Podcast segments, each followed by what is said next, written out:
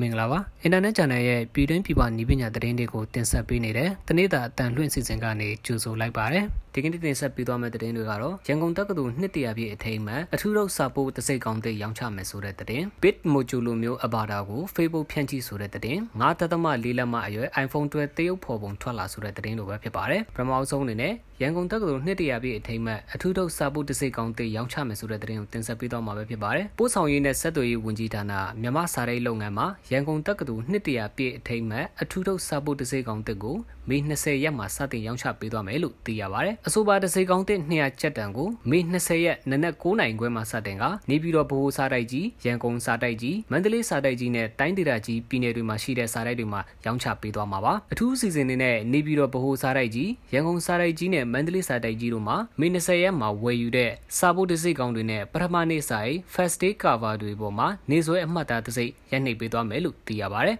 ဆက်လက်ပြီးဘင်းမိုဂျိုလိုမျိုးအဗာတာကို Facebook ဖြန့်ချိဆိုတဲ့သတင်းကိုတင်ဆက်ပေးသွားမှာပဲဖြစ်ပါတယ် Facebook ကပြီးခဲ့တဲ့နှစ်အခြားနိုင်ငံတွေအတွက် Avatar feature ကိုဖြန့်ချိခဲ့ပါတယ်အခုအခါမှာတော့ American ကသုံးစွဲသူတွေအတွက်ဖြန့်ချိပေးလိုက်ပါပြီ Facebook Avatar က Snapchat ရဲ့ Bitmojo နဲ့တူပါတယ် Facebook သုံးစွဲသူက Cartoon Avatar ကိုဖန်တီးနိုင်ပါတယ်အဲ့ဒီ Avatar ကို Command Facebook Store နဲ့ Messenger မှာလည်းသုံးနိုင်ပါတယ်ဒီနေ့ခေတ် online မှာကျွန်တော်တို့ရဲ့ interaction တွေများပြားလာပါတယ်ဒါကြောင့် Facebook မှာတကိုယ်ရည်မျက်နှာထားကိုဖော်ပြဖို့ကအရေးကြီးတယ်လို့ Facebook app အကြီးအကဲဖြစ်တဲ့သူ PG Simo ကပြောကြားခဲ့ပါတယ်။ Avatar တွေကနေဖော်ပြလိုတဲ့စိတ်ခံစားမှုနဲ့မျက်နှာထားများစွာကိုရွေးချယ်နိုင်ပြီးတော့ app ပေါ်ကတငယ်ချင်းမိသားစုတွေနဲ့ဆက်သွယ်နိုင်ပါတယ်လို့စီမိုကထပ်လောင်းပြောကြားခဲ့ပါတယ်။နောက်ဆုံးအနေနဲ့9.4လက်မရွယ် iPhone 12တရုတ်ဖော်ပုံထွက်လာဆိုတဲ့သတင်းကိုတင်ဆက်ပေးတော့မှာပဲဖြစ်ပါတယ်။ဒီနှစ်အတွင်း Apple က iPhone 12လေးမျိုးကိုထုတ်လုပ်ဖွယ်ရှိပါတယ်။9.4လက်မအရွယ် iPhone 12နဲ့ပတ်သက်ပြီးသတင်းထွက်ပေါ်လာပါတယ်။ Let's Go Digital က9.4လက်မ iPhone 12တရုတ်ဖော်တွေကိုဖြန့်ချိလိုက်ပါတယ်။ iPhone 12တွေကပုံမှန်တက်အရွယ်စားသိငယ်ပြီး